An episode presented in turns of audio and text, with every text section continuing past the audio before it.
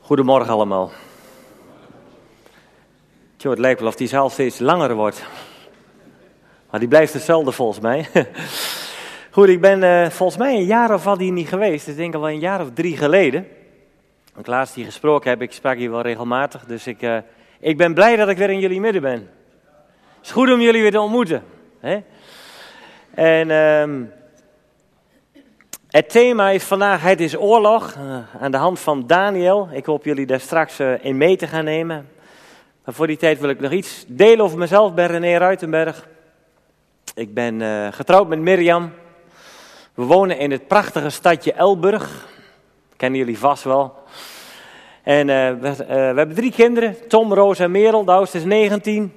Onze jongste, of onze middelste dochter, die is uh, 17. Die zit op dit moment op Lesbos. Die doet een DTS, discipelschapstrainingsschool. Dus die is een half jaar um, in Zuid-Afrika en zit nu dus voor outreach in, uh, in uh, Griekenland, op Lesbos.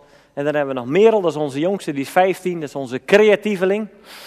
Nou, voorheen, in het verleden, toen ik tot bekering ben gekomen in 2003, toen ging ik eigenlijk heel veel alleen op pad.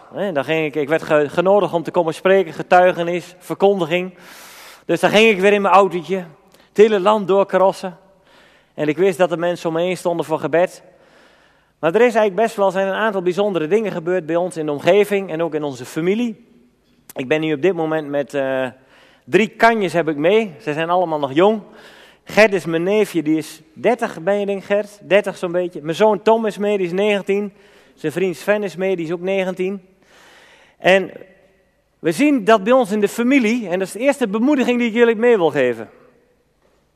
Als je blijft volharden en blijft bidden voor je familie, dan gaat er verandering komen. God is een God van families. God is een God van generaties. En wij trekken tegenwoordig, want we zijn nu met z'n drieën, maar we zijn tegenwoordig met een grote groep gaan we op pad. En dat is een deel van mijn eigen familie, mijn eigen kinderen, maar ook mijn neefjes en mijn nichtjes van 25, 30 jaar, die afgelopen jaren tot geloof zijn gekomen. Ze hebben zich laten dopen. Ze willen een volgeling van Jezus zijn. En het is zo mooi om samen op te trekken met elkaar om het koninkrijk van God zichtbaar te laten worden. Want het evangelie, Paulus zegt, het evangelie is dat het koninkrijk van God zichtbaar wordt. En het koninkrijk van God, ja, wat houdt dat dan eigenlijk in? Dat is eigenlijk best een hele belangrijke vraag. God wil dat zijn koninkrijk zichtbaar wordt. En het is heel belangrijk om daar bewust van te zijn. En zo maken wij ja, in de familie van allerlei mooie dingen mee. Wat ik net al zei. Eh, neefjes, nichtjes die tot geloof komen. Er vindt herstel plaats in onze families. Het is geweldig om te zien hoe God bezig is. Ik weet niet hoe het hier in Emmeloord is op dit moment. Ik weet één ding wel bij ons in Elburg en omgeving. Jullie gaan de komende jaren veel van Elburg horen en omgeving. God is bezig met een groot werk in onze omgeving. En het zal andere plekken ook gaan raken. En het mooiste zou zijn dat er hier in Emmeloord in deze omgeving ook van die plekken gaan ontstaan waar Gods koninkrijk weer zichtbaar wordt. Waar Elburg en Emmeloord met elkaar in verbinding gaan komen. Op dit moment is Herman Boon in Noord-Holland in Alkmaar is er weer tien dagen bidden en vasten. Is gisteren of uh, vrijdag begonnen.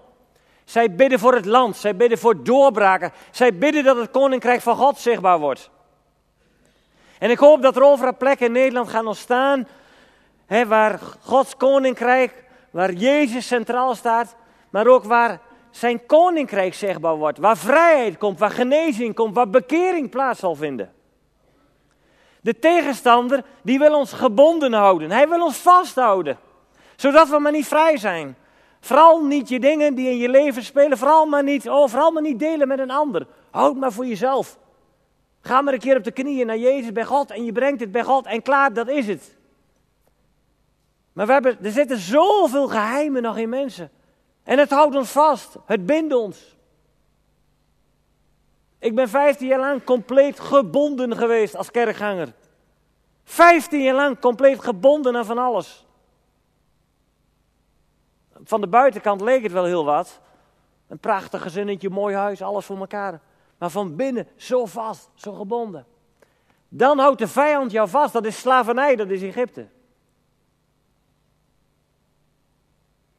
En het volk Israël is bevrijd uit Egypte. We kennen dat, hè? het bloed wat aan de deurposten moest gesneden worden. Dus als je hier zit en je denkt van jongens, we hebben heel veel problemen in ons gezin, in onze familie. Jongeren willen niet meer naar de kerk toe, ze willen niks meer met Jezus te maken hebben. Dan is de opdracht, wil ik jullie meegeven, ga op de knieën. Ga bidden voor je kinderen. Ga bidden voor je familie. God gaat verandering brengen. En misschien zeg je van, ja maar ik doe dit al wel 10, 15 jaar. Dan zeg ik, hou niet op. Hou niet op, blijf doorgaan. God gaat iets doen. En weet je mensen, deze wereld en Nederland heeft maar één iemand nodig. En dat is Jezus Christus. Die hebben wij nodig. Die kan ons veranderen. Die kan onze gezinnen veranderen. Die kan onze families veranderen. Yes? Was een korte inleiding.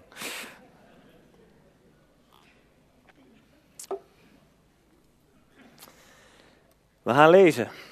Ik weet niet of die ook nog op scherm staat en anders mag u uw Bijbel pakken. Het is oorlog en ik geloof dat God een God, God is van orde en van structuur. Als wij lezen in de Bijbel, in de beginnen schiep God de hemel en de aarde. De aarde was woest en ledig. De duisternis lag op de vloed. En Gods geest zweefde over de wateren. Er was wanorde. Er was chaos. En wat doet vervolgens God? Wat doet hij? Wat is het vers wat erop volgt? Het licht begon te komen. Hij begon te spreken. Er is licht. En er was licht. En God zag dat het goed was. En wat deed het licht op dat moment? In het begin van de Bijbel al. In die chaos, in die wanorde. Wat deed dat licht? Dat bracht scheiding aan tussen licht en duisternis. Doordat het licht kwam, moest de duisternis zijn plek kennen. Het werd begrensd. En God begon orde te scheppen in de chaos. Op de zesde dag kon God pas het leven, kon hij pas de mens scheppen kon hij pas het leven scheppen. Daarvoor hè, de bomen en de gevolgden, de vissen. Allemaal volgens zijn patronen, volgens zijn modellen. God is een God van orde en structuren. Ik denk dat het goed is, ik ben de laatste jaren veel bezig geweest met hoe een gemeente een kerkelijke structuur eruit mag zien. En ik wil de oudsten, raad en de, en de, de, de diakenen en de leidinggevenden van deze gemeente wil ik eens navragen om na te denken van hoe zit het met de bedieningen in deze gemeente? Dan heb ik het over een apostel, een profeet, een herder, een evangelist, een leraar. Het is goed om over na te denken, om eens te onderzoeken. De Bijbel die spreekt over het fundament van de gemeente, van de kerk, is gebouwd op de, profeet, op de apostelen en de profeten. Ik geef jullie zomaar wat huiswerk mee. Het is goed om over na te denken. Hoe is een gemeente gebouwd? Goed, nu gaan we echt beginnen.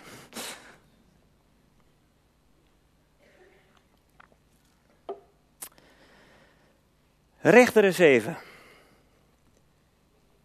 Vers 1 tot en met 7 gaan we lezen. En Jerubaal, dat is Gideon, dus hij krijgt, uh, Gideon krijgt hier een, een, een extra naam. We zien dat al in hoofdstuk 6 zien staan. Vers 32, en men gaf hem op die dag de naam Jerubaal, daar men zeide, Baal strijden met hem. Dus Baal strijden met Gideon, nu hij diens altaar afgebroken heeft. Dus Gideon had het altaar, de Baals had hij afgebroken. Dat had hij in de nacht gedaan en daarom kreeg hij die naam.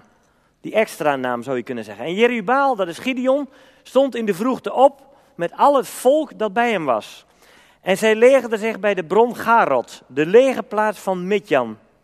En die lag ten noorden van hem, gezien van de heuvel Moree in de vlakte. En de heren zeiden tot Gideon, er is te veel krijgsvolk bij u dan dat ik Midjan in hun macht zou geven. Anders zou Israël zich tegen mij kunnen beroemen. En zouden ze zeggen, mijn eigen hand heeft mij verlost. Nu dan, roept ten aanhoren van het volk, wie bang is en beeft, keren terug en sluipen weg van het gebergte Gilead. Toen keerden er 22.000 van het krijgsvolk terug en er bleven er 10.000 over. Is de eerste zifting. Maar de Heer zeide tot Gideon, nog eens er te veel krijgsvolk. Doe het afdalen naar het water, dan zal ik hen daarvoor u schiften. Ieder van wie ik u zeggen zal, deze zal met u meegaan. En die zal met u meegaan. Maar in ieder van wie ik u zeggen zal, deze zal niet met u meegaan, die zal niet meegaan. Toen deed Gideon het volk afdalen naar het water. En de Heere zeide tot hem, al wie met zijn tong het water opslurpt als een hond, die zult gij afzonderen van al degenen die op hun knieën gaan liggen om te drinken. Het getal nu van hen die slurpten met de hand aan de mond bedroegen 300 man. Maar al het overige volk ging op de knieën liggen om water te drinken. Toen zeide de Heer tot Gideon, door de 300 mannen die geslurpt hebben, zal ik u verlossen. En ik zal met Jan in uw macht geven. Maar al het overige volk kan heen gaan, ieder naar zijn woonplaats. Als je de verschillende vertalingen leest in de Bijbel, is het over dat slurpen en over dat drinken. Als je drie of vier vertalingen naast elkaar zet, dan is dat best wel een beetje verwarrend, want er staat een beetje tegenstrijdig in de verschillende vertalingen. Maar goed, dat, kom ik later wel eventjes nog op terug, wat hiermee bedoeld wordt. Gideon wordt geroepen als rechter van God. We lezen in hoofdstuk 6, het volk leefde in zonde. God geeft het volk Israël in de macht van de Midjanieten. Een sterk volk, sterk volk, een groot volk. Ook de Amalekieten waren daarbij. Er waren honderdduizenden Amalekieten en Midjanieten waren er aanwezig. Het volk leefde in zonde en dan zien we staan in hoofdstuk 6, daar komt zo'n moment. ze, ze, voelen zich onderdrukt. Het is een vorm van slavernij waarin ze leven. En dan staat daar dat ze God aan gaan roepen. Nou, hoe vaak is het niet in ons leven, als het ons voor de wind gaat, roepen we God niet zo heel vaak aan. Tenminste, ik herken het wel een beetje in mijn leven. Maar als de moeite komt, als de nood daar is, dan komt er een keer weer de besef. We hebben hem nodig. En dan roepen we hem aan, of we gaan in gebed, of we gaan op de knieën. En het volk ging op de knieën. We lezen dat in Recht, uh, Rechteren 6. Volk op de knieën, roept God aan. En dan gaat God een nieuwe leider sturen, een nieuwe rechter. En hij roept Gideon. Nou, Gideon was een wat onzeker mannetje als je dat leest. En God noemt hem, al in het begin, als hij hem roept, gij dappere held, zegt hij dan. Dus als je hier zit en je bent wat onzeker en je denkt van ja, maar ik stel niet zoveel voor. Alleen die mensen die hier op dat podium, dat zijn de grote mannen. Het kan wezen dat God u hier roept en zegt van, Gideon, gij dappere held. God kijkt naar het hart en God kan iedereen gebruiken. En dan krijgt hij daar die opdracht om het volk Israël te verlossen uit die macht van de Midjanieten. En hij weet dat het leger gigantisch groot is. En op een gegeven moment, roept de mensen bij elkaar. God overtuigt hem en God zegt van, ik ben met je. Ik doe het met jou. Je bent niet alleen. We zien dat Gideon allemaal tekenen vraagt. Hij vraagt wel vier keer een teken om uiteindelijk te gaan doen wat God van hem vraagt. Maar God is er constant bij en die neemt hem mee in dat proces. Hij wist wat Gideon nodig had aan tekenen om uiteindelijk te doen wat hij moest doen. God is zo trouw. God kent zo onze situatie. Hij weet zo hoe we in elkaar zitten. Bij Jozua bijvoorbeeld deed hij het op een hele andere manier. Jozua was een man vol van geloof. Jozua had niet allemaal tekenen nodig om uiteindelijk dat beloofde land in te nemen. Maar bij Gideon wel. Dus God kent elke persoon.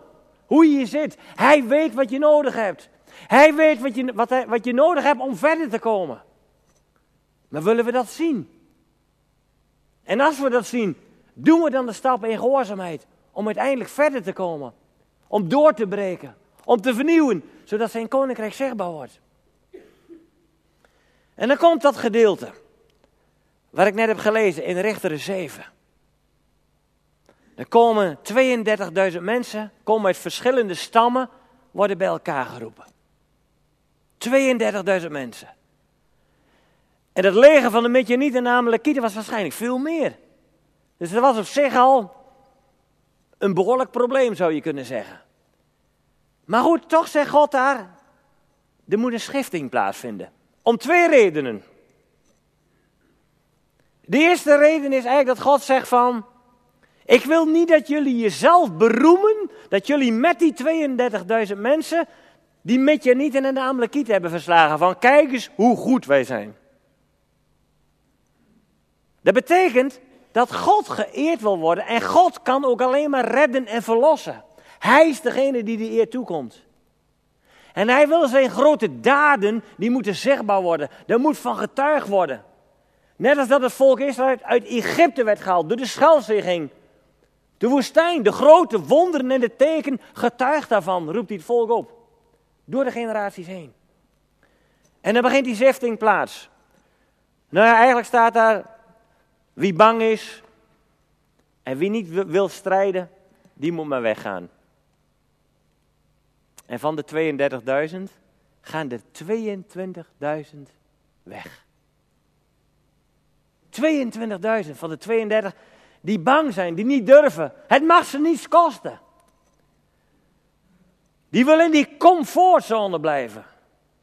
Lekker veilig. Lekker veilig. En dan gaat God verder met Gideon. En dan zegt hij van, dan gaat over dat verhaal over dat slurpen. Degene die slurpt hè, met de hand, nou, er zijn dus de verschillende vertalingen, zei ik nou Waar het hier ten diepste om gaat is dat mensen, God wil mensen zoeken, mensen die echt hongerig zijn, die vol verlangen zijn, die het alles mag kosten. Die zeggen van, ook al zou ik alleen moeten gaan, dan ga ik nog tegen die honderdduizend je niet te strijden. Het gaat om dat hart, het gaat om dat verlangen. En God zift het daar. Er vallen er weer 9700 af, die uiteindelijk zich terugtrekken. En die 300 die geslurpt hebben, die wijst God aan. Wat ook opmerkelijk is, dat die 9700, 9700 misschien zelf wel dachten van, maar wij kunnen dat ook wel. Maar God laat zien, nee, jullie zijn niet bekwaam genoeg om deze strijd te strijden. Ik ga het met die 300 doen. God kende het hart van die 300. God kende ook het hart van die 9700 anderen. En dan begint die 16, die is daar, en die 300, die gaan op pad. En dan, uh, ja, slaat de twijfel weer toe bij Gideon. Hij wil eigenlijk nog wel een teken hebben, want ja, potverdorie, met 300 man, drie keer 100 man. Hoe ga je dat doen in vredesnaam? En dan komt er nog weer een teken, dat lezen we in Rechteren 7. Dat gaat over die gerstekoek. Nou, dat moet je zelf maar lezen hoe dat verhaal gaat. En uiteindelijk is Gideon overtuigd, ik ga het doen. Met die 300 man. En dan het mooiste wat er staat is, in vers Rechteren 7, vers 15. Zodra Gideon het verhaal van de droom en de uitlegging daarvan gehoord had, dat gaat over die gerstekoek, boog hij zich in aanbidding neder. Voordat hij die strijd aanging, boog hij zich in aanbidding neder. Hij boog zich in aanbidding neder. En zei van, ik verwacht het van u. Het was niet zo van, ik ga het wel even doen. Nee, hij boog zich neder. Hier gaat het weer om die houding. Hoe is je houding? En dan moet hij die groep van 300 moet hij verdelen in drie keer 100. En nu kom ik eigenlijk pas op de boodschap die ik jullie mee wil geven. Want dit kennen jullie waarschijnlijk allemaal wel. Je zal misschien zeggen van, joh, dat hebben we al zo vaak gehoord. Dat klopt. Nu hoop ik jullie wat sleutels mee te geven voor je persoonlijke leven, maar ook voor jullie als gemeente. Zodra Gideon het verhaal van de droom en de uitlegging daarvan gehoord had, in vers 15, boog hij zich in aanbidding neder en daarop keerde hij terug naar de legerplaats van Israël en zeide, staat op, want de Heer heeft de legerplaats van Midjan in uw macht gegeven. Toen verdeelde hij de 300 man in drie groepen en gaf hun allen horens. Dus de eerste. Hij gaf hun horens. Blazers. Horens. Dat is nummer één. Goed onthouden. Hij gaf hun horens. En hij gaf hun ledige kruiken in de hand. Met fakkels binnenin de kruiken. Dus hij gaf ze kruiken, lege kruiken. Met fakkels in die kruiken. En die zouden branden, die fakkels. En hij zeide tot hen: Gij moet op mij letten en doen als ik. Zie, wanneer ik aan de buitenrand van de legerplaats gekomen ben, doe dan als ik. Wanneer ik op de hoorn blaas, dan blaas alle met mij en die bij mij zijn. Dan moet ook gij op de horens blazen rondom de gehele legerplaats en roepen voor de Here en voor Gideon. Nou, hier komen drie dingen naar voren. Een opdracht. Eén is blazen op de horens. Het tweede is die ledige kruiken die er zijn, met die fakkels daar binnenin. En ze moeten roepen voor de Heer en voor Gideon. Drie dingen. Die eerste, dat blazen. Waar zou dat in dit gedeelte over gaan? Wat betekent dit, dat blazen? Met die shofars. Waar zou dat voor staan?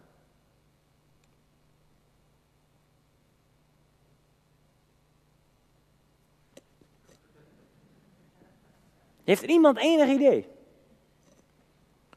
Meestal werd er met een shofar werd er iets aangekondigd. Hè? Normaal gesproken werd er iets aangekondigd. Maar in dit geval gaat het over iets anders. Wilde u dat zeggen, meneer? Tot eer van hem, ja. Wie heeft er nog meer? Wie denkt wat er is, die shofar? Wat, ze moesten dus hier iets doen. Dus Gideon die geeft, dat, geeft dat signaal van... Hij begon te blazen en de rest moest mee gaan blazen. Sorry? Beginnen met de strijd. Ze beginnen met de strijd, dus een aanhef van beginnen met die strijd, maar die shofar houdt in lofprijs en aanbidding. Lofprijs en aanbidding. Wat betekent lofprijs en aanbidding? Dat betekent hem prijzen, hem eren, je hart leegmaken, hem eren, zodat zijn aanwezigheid aanwezig komt. Zodat zijn aanwezigheid neerdaalt. Dus lofprijs en aanbidding hier in de gemeente is niet liedjes zingen. Lofprijs en aanbidding, dat is andere kost. Dat gaat over, als het ware, de aanwezigheid van God, als het ware vanuit de hemel, het koninkrijk van God, zijn aanwezigheid neer doen dalen. Dat kan door worship en aanbidding, door lofprijs en aanbidding. Dat kan door hem te eren, groot te maken. In gebed te gaan, op de knieën te gaan. Hem smeken dat hij als het ware zijn heerlijkheid, zijn majesteit, dat hij gaat komen. En als die aanwezigheid van God daar komt, die daalt neer. Ik kan je één ding vertellen. Als hier een gigantische worship en aanbidding zou zijn, echt, dat de heerlijkheid, de aanwezigheid van God hier komt. Dan komen we bij het volgende punt. De kruiken met de fakkels erin. Waar staan die kruiken voor? Jullie mogen roepen hoor.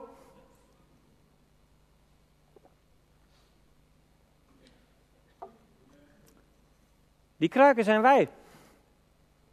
Die kruiken zijn wij. En die kruiken, die moeten gebroken worden. Ons ik, ons ego moet gebroken worden. Wanneer wordt ons ego gebroken? Als je in de aanwezigheid van God komt. Als je een ontmoeting krijgt met Jezus. Ik kan je vertellen, toen ik 13, of 15 eh, jaar geleden tot bekering kwam, toen lag ik hier op de knie, niet hier, maar in een andere gemeente, lag ik op de knieën, bij het kruis. De aanwezigheid van God was zo sterk aanwezig, dat die kruik van mij, mijn ik, het explodeerde gewoon bijna. Als de aanwezigheid van God er is, zijn heerlijkheid, dan gaan we zien wie we werkelijk zijn. Dan komt ook de zonde aan het licht. En dat betekent, onze kruiken, ons ik moet gebroken worden. Onze hoogmoed, onze trots moet gebroken worden. Wat zien we vervolgens gebeuren als die kruik gebroken wordt? Wat komt er dan? Dan is die fakkel die er binnen is. Met dat vuur. Die was voor die tijd verborgen. Hij was niet in beeld. Het vuur was niet zichtbaar. Dus de, dus de kruik, ons ik wordt gebroken. En wat gebeurt dan? Dan komt het licht van God. Het vuur van Hem gaat uit ons binnen stromen. Het gaat zichtbaar worden. Als wij ons bekeren van onze zonde. Is misschien een beetje een zwaar woord. Wat we lang hebben gehoord, maar we moeten ons echt, mensen, we moeten ons gewoon bekeren van onze zonde. Als je nog niet wedergeboren bent, je kent Jezus nog niet, moet er eerst nog een bekering plaatsvinden. En vervolgens, als je tot bekering bent gekomen, je bent wedergeboren, je bent een zoon of dochter van God, moeten wij dag in dag uit ons bekeren van onze zonde. Een stuk levensheiliging. Zodat dat vuur, dat licht, die fakkel zichtbaar gaat worden. En ik zal jullie vertellen, die vijand, die ziet die fakkel. Die vijand ziet dat licht. Die vijand ziet dat vuur. En dat doet hem sidderen. Dat doet hem sidderen. Dus lofprijs en aanbidding is een hele belangrijke. Kan in je persoonlijke leven, maar kun je als gemeente gaan doen. Erin groeien met elkaar. Vervolgens zal de tegenwoordigheid van God komen. Mensen zullen spontaan zonde gaan beleiden. Mensen zullen daar bij het kruis gaan komen en zeggen van, Heer, hier ben ik. Ze zullen naar elkaar toe gaan als er, als er uh, meningsverschillen zijn, of er is geoordeeld, of er is iets wat je, je moet vergeving vragen. Dat doet de aanwezigheid van God. Het zorgt dat je vrij gaat worden van allerlei onreinheid en weet ik veel allemaal, allemaal zonden die in ons zijn. Het derde punt. Na de worship, de aanbidding, lofprijs en aanbidding, de tegenwoordigheid van God komt daar. Ons ik wordt gebroken, de ledige kruiken. Het vuur wordt weer zichtbaar. En dan zien we in vers 3 staan, of het derde punt zien we staan. En roepen voor de Heer en voor Gideon. Wat betekent dit? Proclameren. Proclameren in de hemelse gewesten. Paulus die zegt, wij strijden niet tegen vlees en bloed. Er is een geestelijke strijd, het is oorlog. Het is oorlog om uw kinderen, het is oorlog om uw persoonlijke leven, het is oorlog om uw gezin, om uw familie, om uw werk, mensen. De vijand wil maar één ding, hij wil de mens vernietigen. Iedereen. En zijn wij ons bewust dat we in die oorlog zijn? Zijn wij ons bewust dat onze kinderen, misschien onze familieleden, mensen om ons werk voor eeuwig bij God zijn of voor eeuwig verloren zijn.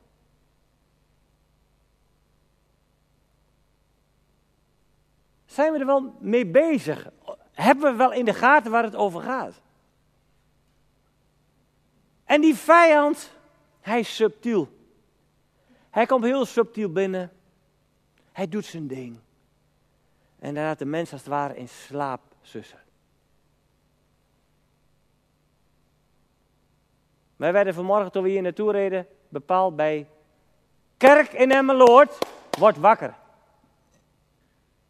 En dat is niet, ik wil geen kritiek hebben op jullie. Ik hoop dat jullie mij begrijpen.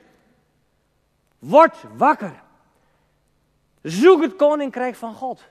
En al het andere zal u gegeven worden. Ga deze principes hanteren. Zoek hem op in worship en aanbidding dat hij kan komen. Dat we kunnen breken met onze zonden. Dat het licht zichtbaar gaat worden. Dat het vuur in deze omgeving zichtbaar gaat worden. Dat mensen hier in Emmeloord en omgeving, dat ze zeggen van, wat is er aan de hand daar bij die fontein? Ik wil daar eens kijken. Wat gebeurt daar? Ik hoor verhalen van die mensen daar. Die zijn vol van God. Die hebben zich bekeerd, die zijn bevrijd, die zijn genezen. Dat zijn de koninkrijkprincipes die plaats moeten vinden in de gemeente. Dat is het koninkrijk van God, wordt dan zichtbaar. Niet door, ik heb me bekeerd, ik ben gered. En mijn kostie is gekocht. Proclameren, dat is wat erop volgt. Dat betekent dat je gaat strijden in de hemelse gewesten. Dat je machten aan gaat spreken, bolwerken aan gaat spreken, waar Paulus over spreekt. Onze strijd is tegen de geestelijke wereld. Niet tegen personen, niet tegen mensen van vlees en bloed. Er is bij ons in de omgeving, Oldebroek, Elburg en omgeving, en dat is hier, heb je ook al van die gebieden, is er heel veel religie. Mensen gaan jaar in, jaar uit naar de kerk. Houd de stoel warm, en zo heb ik er ook altijd gezeten, zeg maar. Maar er is geen relatie met God. Dat is een geestelijk bolwerk. Als gemeente kun je met z'n allen gaan staan en dan ga je met elkaar uitroepen, ga je proclameren in de geestelijke wereld. Bolwerken van religie, we breken je macht. Dat zijn bolwerken die boven een gebied, boven een regio vastzitten en die houden controle over de mensheid. Die houden controle over kerken. Er is heel veel controle. God is een God van vrijheid, waar zijn geest een machtig werk wil doen. Dat mensen gered gaan worden, bekeerd gaan worden. Een rein gaan leven, bevrijd gaan worden, genezen gaan worden. Dus wij mogen als gemeente, wij mogen leren om te proclameren. En wat zien we dan gebeuren vervolgens daar bij Gideon? God doet het werk in de geestelijke wereld. God doet het werk. Er kwam geen zwaard aan te pas. Ze hoefden niet eens naar ze toe om ze, weet ik, een kopje kleiner te haken. Nee, God deed het werk. Er was verwarring onder de Midjanieten, namelijk Kieten. Omdat er wat in de hemelse gewesten, er gebeurde van alles. En dat licht, dat vuur was zichtbaar. En die shofar, die, die, die, die, die bezuinen, dat die lofprijs en aanbidding was aanwezig. Het proclameren, die bolwerken werden aangesproken daar op dat moment. En die bolwerken moesten wijken. Een omgeving, het kan soms ook een familie wezen dat er een bolwerk, een demonisch bolwerk, jouw familie in de greep houdt. Dat betekent, je moet die bolwerken aan gaan spreken. En zorgen dat die bolwerken vernietigd worden. Dan pas kunnen je kinderen en je familieleden zullen daarna pas tot geloof komen. Dan komen er pas doorbraken. Dit is bovennatuurlijk denken. Vanuit de geest gaan opereren. En jullie zijn allemaal lieve, mooie mensen. Sommigen ken ik iets beter dan de anderen. Sommigen ken ik eh, persoonlijk. De meeste ken ik je niet. Maar ik heb zo'n hoop mensen. Dat jullie ook als gemeente zeggen, wij met elkaar hier, als broeders en zusters. En misschien zeg je van, er is in mijn eigen leven ook nog wat werk aan de winkel. Daar ga ik eerst maar eens even goed mee aan de slag. Dat is goed, er is niks mis mee, dat is goed. Om vervolgens samen het koninkrijk van God hier zichtbaar te laten worden. Zodat de vijand verdreven zal worden. Er staat zelfs, hij moet niet alleen verdreven worden, maar hij moet vernietigd worden. Met wortel en al. Dat is de opdracht van de kerk, van de gemeente. Om het koninkrijk van God zichtbaar te laten worden. Dat is de opdracht van deze gemeente. En ik wil jullie erin aanmoedigen om erin op te gaan staan. Word wakker, mensen. Sta op. Ga hem groot maken zodat zijn heerlijkheid komt. Breek met zondige praktijk in je leven. Laat het vuur van God weer zien. Het zal verspreid worden. De vijand ziet het namelijk ook. Overal waar jullie het vuur van God in jullie hebben, of het licht in jullie is, gebeurt er iets. Het is een confrontatie voor de duisternis. Zoals in het begin in de schepping, toen het licht er kwam, de duisternis moest wijken. De duisternis werd begrensd. En dan gaan we vervolgens proclameren dat die bolwerken geslecht zullen worden over Emmeloord en omgeving. En God, de Heilige Geest, gaat jullie laten zien wat die bolwerken zijn. Hij gaat het jullie openbaren wat die bolwerken zijn. En dan moeten jullie als gemeente met elkaar gaan strijden. En ik kan je één ding vertellen, als God uh, bolwerken, satanische bolwerken aan gaat wijzen en jullie gaan er als gemeente in staan en proclameren weet ik 100% zeker op grond van Gods woord dat er doorbraken gaan komen. Maar volgen we de principes van het koninkrijk van God. Willen we erin groeien? Ik leer het in mijn leven steeds meer. En ik zie dat het zo werkt. En daarom ben ik er enthousiast over. Als je merkt dat het werkt, dat het Gods principes zijn en je ziet doorbraken, dan word je daar enthousiast van. En daar ga ik van getuigen. De laatste jaren heel veel mooie dingen meegemaakt. Tuurlijk is er ook die strijd, want die vijand zit niet stil. Maar we laten ons toch niet klein krijgen? Wij zijn meer dan overwinnaars. Jezus heeft Satan openlijk tentoongesteld op Golgotha. En dat gaat niet tot eer van ons, het gaat tot eer van Jezus. Dat we hem, als de koninkrijk komt, wordt hij verheerlijk, niet René. Ze gaan de grote wonderwerken van Jezus, van God weer zien. En dat moet terugkomen. Daar mogen we ons naar uitstrekken. Amen. Zijn jullie nog uh, in slaap? Zijn jullie wakker? Zijn jullie wakker? Zijn jullie wakker? Yes, in de naam van Jezus. We zullen wakker zijn. Ik roep jullie op in de naam van Jezus. De band mag naar voren komen, we gaan een paar liederen zingen. We gaan eerst maar eens kijken hoe dat hier met lofprijs en aanbidding zit in deze gemeente. Yes? En ik wil jullie alleen maar aansporen en aanmoedigen. Durf in die vrijheid te gaan staan. Maak God groot. Hij komt toe alle lof en alle eer. Yes?